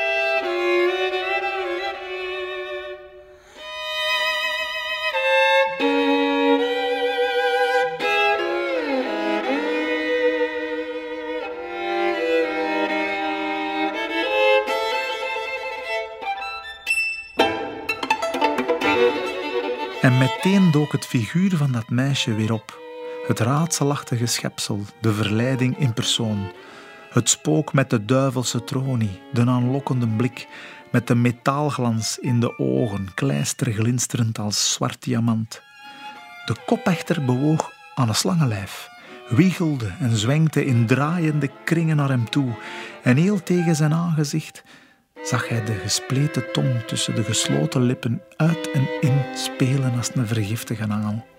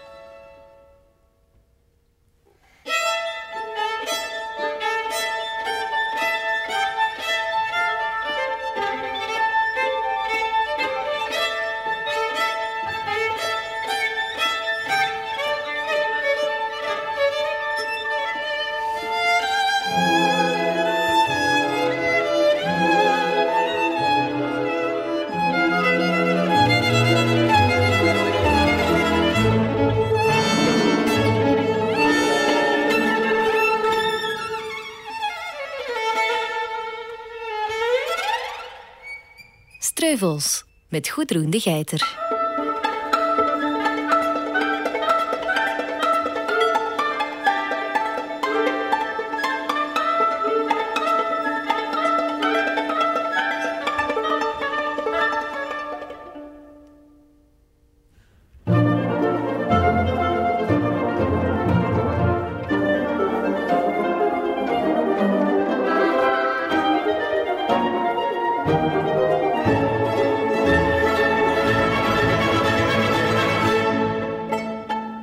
Leven en de dood in de ast wordt als Streuvels meesterwerk gezien. Ook de laatste notities waarin de oude Streuvels terugkijkt op zijn leven, zijn nu uitgegeven. Daarover Ludo Simons. Veel levendiger en veel levender. En Jeroen Cornili van het Letterenhuis. Het boekje was eigenlijk een vrij goed bewaard geheim. Koen Peters heeft het over een nu bijna vergeten verhaal, Het Woud. Daar is ooit een opera van gemaakt door Maurice Schoemaker naar een libretto van Streuvels vriend Emmanuel de Bom. Een woud. Ik vind het al fantastisch dat uh, Stijn Streuvels schrijft over een woud, want in West-Vlaanderen zijn er geen wouden. Een woud, daar woont een eenvoudige bezembindster, Zwane, die fantastisch kan zingen. En zij zingt een mystiek gedicht van Hadewig. Op een bepaald moment komt er iemand langs en die heeft een indrukwekkend kruisbeeld gesculpteerd in hout. En zij vraagt: Mag ik dat hebben? Ah, als je mooi zingt, zegt die man. Zij zingt prachtig, maar de man geeft het kruisbeeld niet. Ik ga niet vertellen hoe het afloopt, maar het is met moord en uh, straffen en ik weet niet wat. Maar opnieuw, die, die vrouw blijkt fataal te zijn. Het is een kort verhaal. Het is helaas nog niet herdrukt, denk ik. Maar het is subliem. En dat doet Streuvels wel vaker. Hij beschrijft eigenlijk heel banaal, maar heel gedetailleerd, in een heel rijke kunsttaal, wat er zich afspeelt voor zijn ogen. En af en toe schijnt daar een mystiek licht in. En dat heb je ook in Leven en de Dood in de Ast. Waar hij opnieuw zo een theaterscène opbouwt. Het is theater. Hij heeft er ook een, een, eh, een toneelstuk van gemaakt. Wellicht met minder succes. Uh, stel je voor, hij was 55 en plots komt hij uit met een van de belangrijkste werken in de Vlaamse literatuur. Uh, Leven en dood in de ast. Wel een pathetische titel natuurlijk. Vijf mannen in een ast. En toen ik in het Leisternest logeerde, vroeg ik aan de conservator Tom Houtman: Ik wil graag een ast bezoeken. Hij heeft dat dan georganiseerd. In Oost-Rozenbeek, ja, dat zijn van die grote monolithische gebouwen. Zonder vensters of heel klein ver weg van het dorp, waar destijds, dat was een ast van 1926, gedurende drie weken, maar soms ook gedurende drie maanden, chicorijwortels worden gestookt. Waar mensen een slavenbestaan leden eigenlijk in, haast in een onderbroek de hele tijd tussen die chicorijworteltjes rondliepen. Dat werd, het was minstens 50 graden. De temperatuur moest constant gehouden worden. We werden eigenlijk opgesloten. Die bleven daar ook overnachten enzovoort.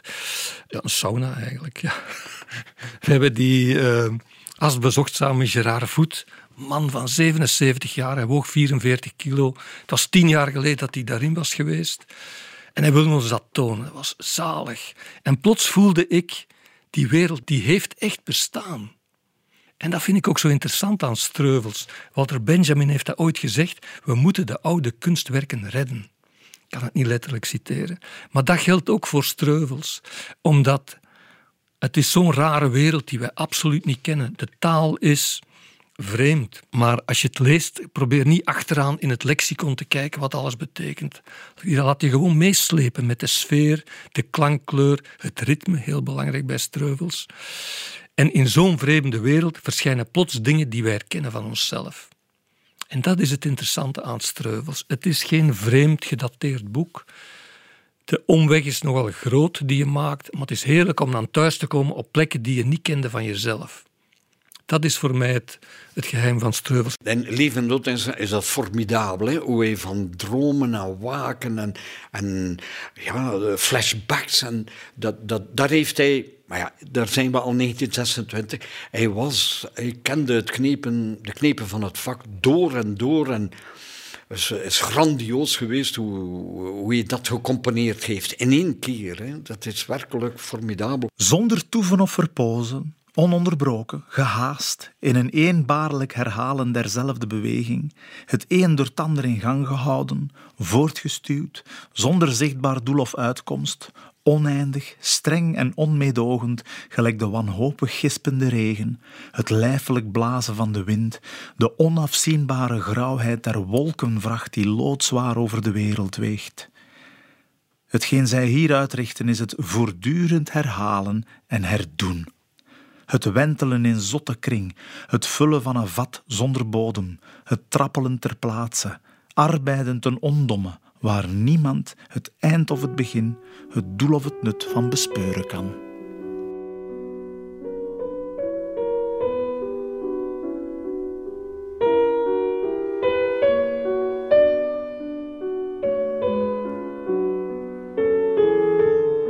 Er zit een handgeschreven boekje in dat archief. Het laatste wat hij inderdaad geschreven heeft als een, als een oude man.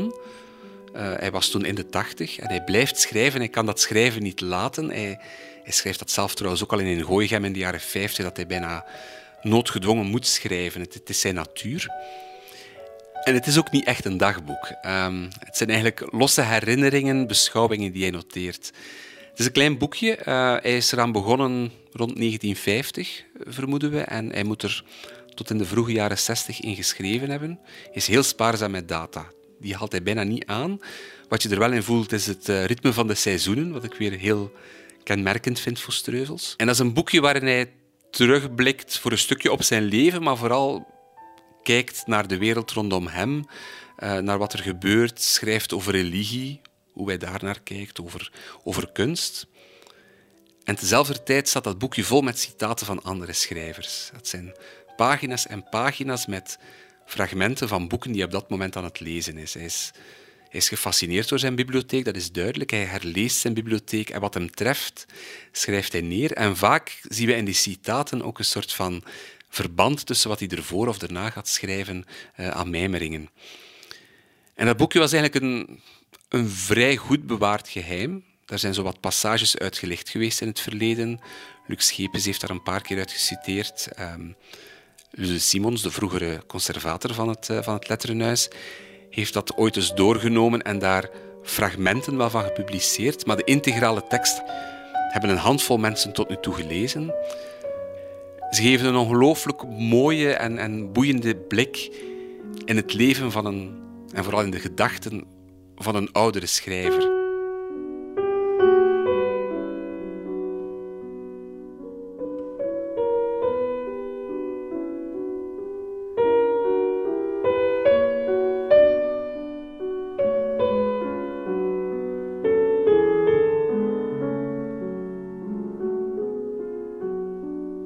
Is heel zijn leven, zonder dat het er bovenop lag, een sociaal geëngageerd schrijver geweest. Hij schreef schitterende boeken om uiting te geven aan datgene wat rondom hem gebeurde. Hij is dan een alleslezer geworden. In die laatste fragmenten wordt zijn eigen tekst soms bladzijdenlang onderbroken door citaten, heel vaak in het Frans, omdat hij veel vreemde literatuur in het Frans las. Ten eerste omdat dat de vreemde taal was die hij natuurlijk het beste kende vanuit de school al. Ten tweede omdat hij die boeken vlakbij uh, allemaal kon krijgen, want ja, honderd jaar geleden uh, was het nog allemaal niet zo simpel om boeken uit Engeland of uit Duitsland, uh, laat staan uit Noorwegen of waar dan ook, te krijgen. Ehm, dat is hij dus uh, heel zijn leven blijven doen. Hij heeft op een bepaald moment, schrijft hij bijvoorbeeld in die nagelaten fragmenten, ik heb nu eindelijk Virginia Woolf ontdekt. Ik heb haar veel te laat leren kennen. Had ik haar eerder leren kennen, ik zou misschien heel anders hebben geschreven. Op een andere plaats zegt hij: Als ik nu mijn vlasgaard zou schrijven, hij zou misschien met een vijfde ingekort worden. Ja, dat zie je dus ook aan al die drukproeven die bewaard zijn, waar hij opnieuw sommige dingen toevoegt, maar ook heel veel dingen schrapt. Het beroemdste voorbeeld is natuurlijk de teleurgang van de Waterhoek, waarvan hij na de eerste editie soms tien bladzijden lang heeft geschrapt, ten dele, omdat uh, het boek slecht werd ontvangen door de katholieke kritiek van toen, maar ten dele ongetwijfeld evengoed, omdat hij niet meer tevreden was over uitweidingen die erin stonden en die hij niet meer functioneel achtte. Dus hij heeft zichzelf gekneed als schrijvend, heel zijn leven uh, lang, en is daarop in die laatste uitgegeven geschriften inderdaad gaan reflecteren met onthullende ontboezemingen.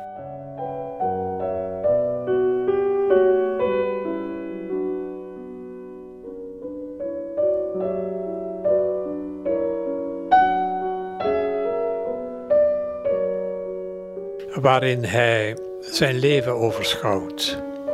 Het dorp, de regio, het land waar hij in woonde en leefde.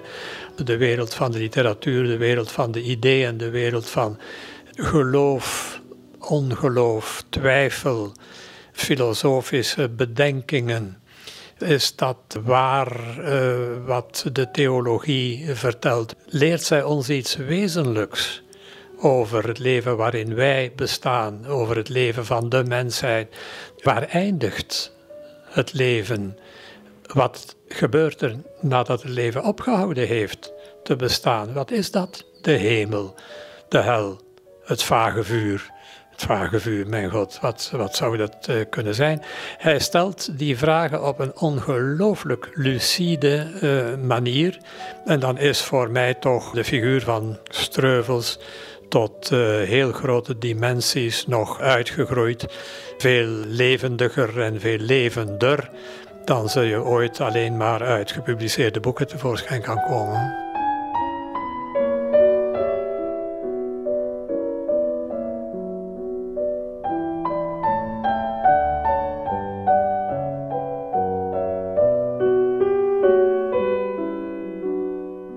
Hoe kan een auteur van dit niveau, die zo'n breed publiek bereikt, dan katholiek zijn. Want heel veel mensen denken katholieke literatuur, dat is tendentieuze literatuur. En dit willen alleen maar mensen eh, godsdienstig maken. Eh, dat kan geen echte literatuur zijn. En dat is, iets, dat is, een, dat is een inzicht dat eigenlijk in de 20e eeuw heel dominant is geworden. En dan zie je dat auteurs als Hugo Claus daar eigenlijk zijn, hun handelsmerk van maken om te spuwen op, eh, op katholicisme. Daar ook voortdurend bezig zijn met te proberen om dat te kraken, maar tegelijkertijd, door dat altijd weer opnieuw te doen, of te hebben gedaan, laten zien hoe groot de rekening was die ze openstaan hadden bij, bij katholici. Dus ik ben er echt door gefascineerd. En, en bij Streuvels is heel interessant dat hij natuurlijk ja, in West-Vlaanderen groot werd, geboren en getogen is op de grens tussen West- en Oost-Vlaanderen, dat heel katholiek is, dat zijn uh, peetoom, zoals ik al zei, Guido Gezelle was. Dus hij moest oppassen wat hij deed. Want de verzuiling is nu misschien voor een stuk afgebouwd, maar in die tijd was de katholieke of waren alle zuilen extreem sterk. Als de katholieke zuil in West-Vlaanderen iets tegen jou besloot, dan dat, kon dat verregaande gevolgen hebben.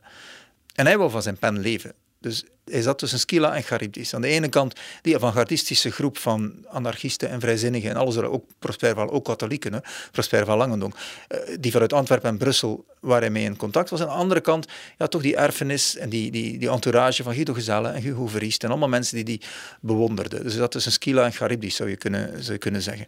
Um, en dan zie je dat dat bij zijn debuut op een bepaald moment ogenschijnlijk gruwelijk fout gaat. Hij brengt dat boekje uit en op voorhand was het al bejubeld als een fantastisch boek. En dan komt er een vernietigende recensie van een zekere J. Jacobs in Het Belfort, een bastion van katholieke literaire kritiek, die dat boek eigenlijk van onzedelijkheid beschuldigt, om verschillende redenen. Op de grens van pornografie, blasfemisch. En dan vindt hij Jacobs al dat soort dingen, dat is eigenlijk heel erg problematisch. er is ook een verhaal in van een, een, een soort half begijntje, een kwezeltje dat aangerand wordt door de smid, terwijl ze net weken na elkaar paternosters met die smid aan het bidden was, maar hij had andere bedoelingen dan zij. Zij wou, en, zij, wou hem religieus maken en dan mislukte. En, en dan zie je dat Jacob zich daartegen kentert en dat Struwels een brief schrijft naar de boom van Het is een ramp. Al die seminaristen hebben een voorbestelling moeten annuleren. Ik krijg mijn boek nergens nog verkocht. En allemaal door dat nawoordje van de uitgever, die geschreven had dat Streuvels de enige goede realist in Vlaanderen was. En realisme betekende toen nog ongeveer hetzelfde als naturalisme. Dus realisme, Emile Zola, Emile Zola duivel met hoornen, schrijft Streuvels. Kom, we gaan dat hier... Dit kan niet. Dit is ontoelaatbaar. En dat is de officiële versie. Er is heel veel over geschreven. Heel veel mensen hebben dat in kaart gebracht, die discussie. Heel interessant.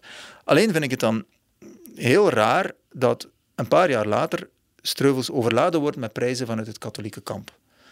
Dan zie je Bijvoorbeeld dat hij in 1903 voorgedragen wordt als kandidaat voor de Nobelprijs door Auguste Beke, een katholieke volksvertegenwoordiger. En je ziet dat hij nog eens twee jaar later, er zit maar vijf jaar tussen, tussen of vijf, zes jaar tussen die recensie, en dat hij dan eindelijk de vijfjaarlijkse prijs krijgt voor Nederlandse letterkunde heeft hij twee keer op rij gekregen, 1905 en 1910, met een dominant katholieke jury. En dan wordt het voor mij interessant. En niet zozeer, was dat nu katholiek of niet, maar wel, hoe kan dat dat hij zo snel gerecupereerd wordt? En ik heb daar eigenlijk twee antwoorden op verzonnen. Eén is, ja, de katholieke zuil had een grote auteur nodig. Ze hadden echt een boegbeeld nodig. En ze zagen van meet af aan in dat, dat hier een grote auteur aan het opstaan was, iemand met echt veel talent enerzijds. Anderzijds, misschien was dat schandaal waar we het over hadden, helemaal niet zo verstrekkend als Streuvels doet uitschijnen. En niks is zo goed als een goed schandaal om wat promotie te maken. Dus ik denk dat dat eigenlijk ook een verklaring kan zijn. En een derde is misschien dat Streuvels inderdaad heeft afgezien van nog verdere extreme uitdagende challenges voor, voor het katholicisme. Maar bovenal is mij in herinnering gebleven de passiesermoen door Van Aken in de Sint-Jacobskerk, waar hij een der laatste zondagen van de vasten de gelovigen tot tranen toe bewogen had door de manier waarop hij de kruisiging aanschouwelijk had voorgesteld. Zijn preek eindigde op zakelijk laconische toon met te zeggen, Christus is nu aan het kruis genageld, we zullen hem laten hangen tot de volgende zondag. en niemand lachte. En ik, ik wil graag iets, iets vertellen over een roman van veel later, Alma met de vlasse haren. Dat is een roman en die verschijnt bij het uh, Davidsfonds in Leuven. Dus uh, ja, de katholieken dan dit kan het niet. Dit werd aan katholieke lezers verspreid. Het is een extreem, extreem succesvolle roman geweest. Tienduizenden exemplaren zijn daarvan verkocht. Je kunt het in elke uh, nog altijd vinden. En dat gaat dus over een meisje, Alma, en die woont in een dorpje. En op een bepaald moment komt er in dat dorp een, uh, een, een kermistentje, met daarin zigeuners, de, de, de boemannen van elk verhaal, zigeuners. En alle mannen van het dorp, of de, de bevolking van het dorp, gaat één voor één naar dat tentje nadat de kermis al is opgebroken, blijft dat tentje nog een heel eind staan. En dan op een dag is dat tentje weg en dan breekt er een vreselijke ziekte uit in dat dorp. een soort van pest. Bijna iedereen gaat dood en uh, het is verschrikkelijk. En dan staat Alma op hè, en dan zegt ze, ik heb roepingen. Hè, ze krijgt mystieke roepingen en ik ga mij opofferen en dan gaat de, de ziekte verdwijnen. En dat gebeurt ook. Hè. Op het einde van de roman is iedereen weer genezen, maar is Alma dus eigenlijk, heeft ze zich geofferd dus dit is een heel erg katholiek verhaal, zou je zeggen. Een verhaal van het offer en een meisje dat door, door de goddelijkheid geroepen wordt. En je ziet ook heel veel scènes waarin heel veel mystieke uitspraken staan. En dan wordt ze ook geïnterviewd door de, door de kapelaan hè, om te kijken of zij wel echt een roeping heeft, of er niet iets anders aan de hand is. Want de, de, katholieke kerk had zo'n heel protocol om te kijken of iemand wel echt roepingen had, of of dat een of andere zotin was. En ze doorstaat dat allemaal meesterlijk. En dan zit er één stukje in waar ik bij van haperen. En dat is een stukje waar ik weer die subversieve streuvels zie die zo op een hele rare manier een tegenstem in zijn verhaal inbouwt. En ik lees het eventjes voor. Hè. Dus die kapelaan vraagt aan haar, zijt gij wel zeker dat de geestelijke staat uw roeping is? En ze antwoordt, al mijn zin staat op God en zijn liefde. En hij vraagt opnieuw: Hebt gij nooit in uw leven trek gevoeld naar een jongen, gedacht aan trouwen, het geluk om een huisgezin te stichten, kinderen te hebben, aangezien hij zoveel van kinderen houdt? De verteller gaat verder. Nu glimlachte Alma en antwoordde achter tot voor. In kinderkus zie ik de onschuldige schepselen gods, de bloemkes uit zijn tuin, de engeltjes met een reine ziel, de jongens, dat is niets voor mij. Ze schelden mij uit voor vlaskop. Einde citaat. In één klap zou je dit hele, die hele beleidnis kunnen herinterpreteren als een meisje dat gepest wordt om haar haren, allemaal met de vlasse haren, en daarom vlucht in een wereld waar ze een andere geslacht niet nodig heeft. Ik vind dat een heel, en de kapelaan reageert daar niet op. Ik vind het dus een extreem intrigerende passage.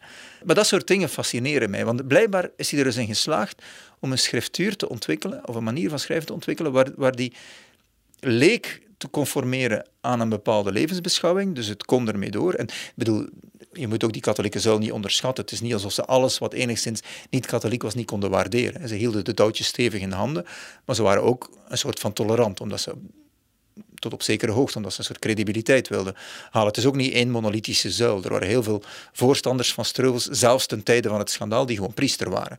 dus, dus, het is geen monolithische beul die, die alles afwees. Um, maar dan zie je dat Streuvels dat een aantal keer heeft gedaan. Hij heeft een fantastisch kerstverhaal gemaakt, kerstwaken.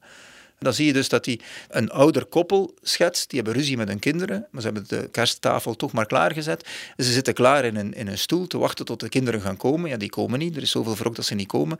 En in de plaats komt een roversbende in dat huis. Uh, begint daar alles te plunderen. En eerst denken ze nog, het zijn ons kinderen. En dan, het zijn toch niet ons kinderen. En dan één grote ramp, ze sterven allebei de laatste zinnen van dat verhaal zijn volgens mij de, de mooiste beschrijving van sterven die ik ooit heb gezien van wat er gebeurt op het moment dat je doodgaat. Maar dit, dit terzijde. Maar dat is eigenlijk een heel raar kerstverhaal. Want als je dat naast een standaard kerstverhaal legt, we kennen allemaal het verhaal van Scrooge, Christmas Carol. Een kerstverhaal bestaat heel vaak uit iemand die iets kwaads doet, in dit geval slechte situatie, wrok tussen ouders en kinderen en kleinkinderen. Het licht ziet door een kind, heel vaak. Iemand komt in confrontatie met een kind, het kerstkind, en dan doet hij al het goede.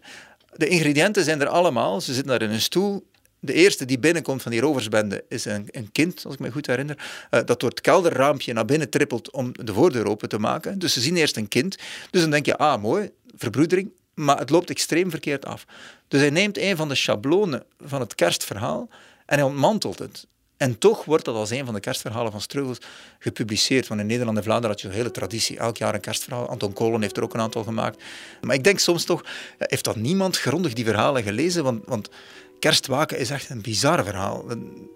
Ja, als Cyril Buijs dat had geschreven, dan hadden ze hem aan het kruis... Ja, nee, hadden ze hem ergens anders gespijkerd. Niet aan een kruis. hadden ze hem in elk geval terechtgesteld.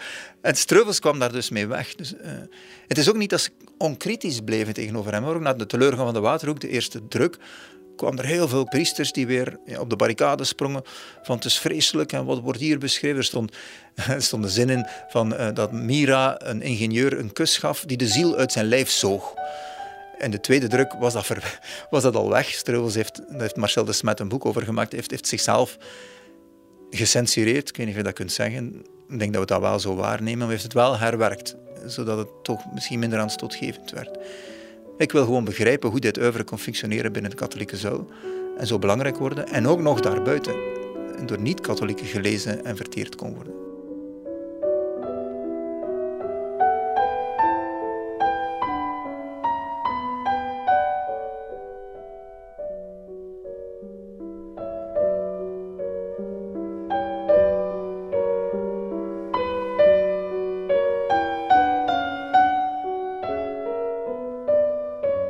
Streuvels zie je ook heel vaak dat die innerlijke wereld heel gevaarlijk is. En dat een bedreiging vormt. Uh, bijvoorbeeld in Het leven en dood in de ast, wat een fenomenaal verhaal is. Ik heb dat als kind gelezen. Ik vond dat interessant. Ik las dat toen als 25-jarige, 40-jarige. En iedere keer opnieuw blijf ik hapen aan andere stukken. Dus dat kenmerkt voor mij dan een soort ja, schrijven waar ik heel veel bewondering voor heb, omdat in elke levensfase heeft die roman mij iets te vertellen. Maar daar heb je van die zinnen in van iedere mens verbergt een afgrond in zijn binnenste. Of in iedere mens schuilt er een wolf. En dan in Leven en Dood in de As, als je dat verhaal leest, dan zie je inderdaad, ze zijn aan het vertellen, een soort dromerig. Die binnenwereld komt in die liminale, die grensruimte van de ast tussen slapen en waken in. Vertellen mensen over hun jeugd en de pijn die ze hebben gehad. Maar onmiddellijk daarna komen ook de echte dromen. En je ziet eigenlijk dat er heel veel dreiging zit. In het leven tot in de as zit er ook zo'n beschrijving van de ruimte van een uil die in één keer neervalt en drie muizen pakt en weer opstijgt. Uh, om te laten zien dat die drie muizen gewoon vrolijk aan het feesten zijn, uh, maar dan gepakt kunnen worden door het noodlot. En dat is zo typisch zo'n zo ruimtebeschrijving van Stroos die al duidelijk maakt dat het niet goed gaat aflopen met iedereen die in die ast zit. Dus al die dromen, daar hangt altijd als een zwaard van Damocles de onmogelijkheid van die dromen uit. Hè? Want er wordt ook gezegd, het verhaal is als een spook, een soort spectrale verschijning, een, een, een waas, iets wat niet echt is, maar ook niet onecht. Het is echt in zijn effecten. Dus die innerlijke wereld interesseert mij heel erg. Maar ik stel ook vast dat die ook niet alleen peilt naar de mogelijkheden ervan, maar ook de gevaren ervan. En al die jeugdherinneringen, herinneringen aan betere tijden die die mannen aan het ophalen zijn, daar worden ze ook extreem ongelukkig van. Ze, ze beleven het en ze zijn nostalgisch. En tegelijk zinken ze weg daardoor. Als, als iemand van de luisteraars dat verhaal een keer wil lezen, dan moet je een keer opletten hoe, hoe onmogelijk die situatie is. Je zit tussen dromen en juist het dromen is wat pijn doet. En, en je hebt een innerlijke wereld die je kan die gedanken zijn fraai, maar je verbergt ook gedachten die vreselijk zijn. Elk mens heeft een monster of een, een, afgrond in zijn binnenste, of een beest of een wolf. Je hebt verschillende varianten van diezelfde zin. Er komen meerdere verhalen van Streuvels voor. Dus ook dat, dat de introspectie, als je naar jezelf kijkt, wat zie je dan? Ja, je ziet een kind, maar je ziet misschien ook een monster. Dat allemaal dingen verbergt en, uh, en dan voor de hemelpoort komt. En dat gebeurt dus in het leven en de dood in de ast. En dan ja, op, op schrijnende wijze geconfronteerd wordt met al uh, zonde uh, en verkeerde beslissingen.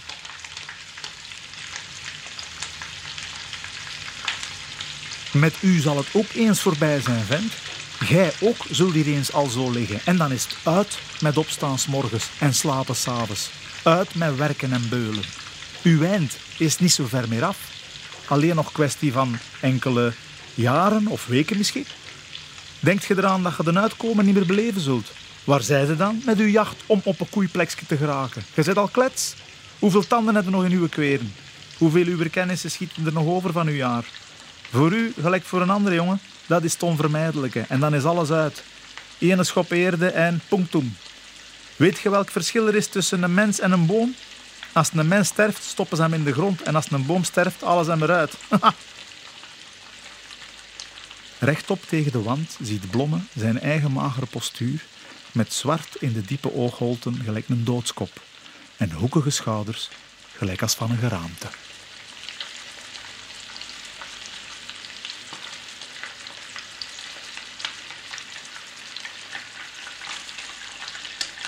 Dat zie je op gezette tijden in zijn, in zijn werk. Hij zoekt naar een definitie van de mens. En misschien een van de meest pijnlijke is, is in het leven en dood in de ast, waar iemand een mop vertelt. En die zegt, ja, kent je het verschil tussen een mens en een boom? En het antwoord is, uh, als een boom sterft, als hem uit de grond. En als een mens sterft, steken ze hem in de grond. En dan is het even stil en dan vraagt een van de personages... Hij, hij zegt, ja, mijn vader vertelde dat vroeger altijd. Dan zegt een van de personages, hoe lang heeft uw vader nog geleefd nadat hij dat heeft gezegd? En ik krijg daar altijd, ik huiver daarvan als ik dat hoor, maar de definitie naar, hè, wat je daarnet zei, de staken, de ruggengraten of de, de, de constructie van de, de architectuur van een mens. Ja, je leeft, hij gaat dood en daarna is er niks meer van je over. En degene die dat heeft verteld is al dood. En jij gaat ook dood zijn. En en het is ook zo. Ja, is ook dood. En toen het leven en dood en de as niet meer uitgegeven werd, was het ook dood. Dus, dus maar dat idee van... Um, heeft hij uitgewerkte beschrijvingen van de lente en genieten van eten en genieten van dansen en van de liefde en al wat je wil. En altijd opnieuw heb je dat et in Arcadia ego, hè, dat, dat, dat, dat vanitas motief van het is, het is allemaal voor niks. En dat is misschien wat de boodschap van het leven en dood in de ast, waar je dan zo'n soort zwerver krijgt. Dat is, ook, ja, is ook weer heel erg dubbel, want je hebt, hebt dus een zwerver en die komt in die ast, die ligt daar te snurken en die sterft. Uh, maar in hun dromen uh, zien ze die zwerver en die mag zomaar binnen in de hemel, want dan zegt uh, Sint-Pieter, je hebt tenminste altijd geleefd zoals, uh, zoals de vogeltjes in het veld en uh, je hebt ervan genoten, welkom. Terwijl die arbeiders die braaf hebben gewerkt, die mogen daar dus niet binnen. Dus de boodschap is, je moet Dionysius of hoe dan ook, epicuristisch genieten van het leven. Maar in de laag van de realiteit is die zwerver wel de enige die sterft dus opnieuw weet je weer niet meer wat je eraan hebt. En dat is dan finaal misschien wat Streuvels zo, zo, zo intrigerend maakt, die onbesluitbaarheid van dat, van dat werk. Op een plek waar je het niet zou verwachten. Want als je T.S. Eliot leest, of je leest Klaus, of je leest al die grote modernisten en postmodernisten, daar verwacht je onbesluitbaarheid. Maar bij Streuvels zit dat ook, maar misschien subtieler, of, of, of moet je langer lezen voor je het, voor je het ziet. En sommigen hebben dat mislukt. Ik kon niet schrijven, hebben ze gezegd. Ja, ik vind dat heel erg... Ehm, belangrijk ook, eh, dat er zo vroeg... Maar jij zei daarnet misschien, ja, misschien dat hij dichter bij die modernisten zat. Uh, ik vind dat een, ja, een intrigerende uh, hypothese, hoor. Um, zeker geen modernist, maar hij deed wel dingen die je niet meteen met eind 19e eeuwse, vroeg 20e eeuwse romanciers in verband zou brengen.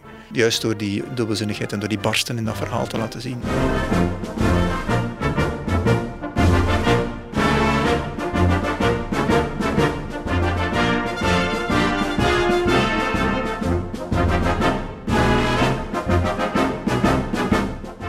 Dit een aanmoediging zijn om dat uiveren van 6000 pagina's opnieuw te gaan lezen.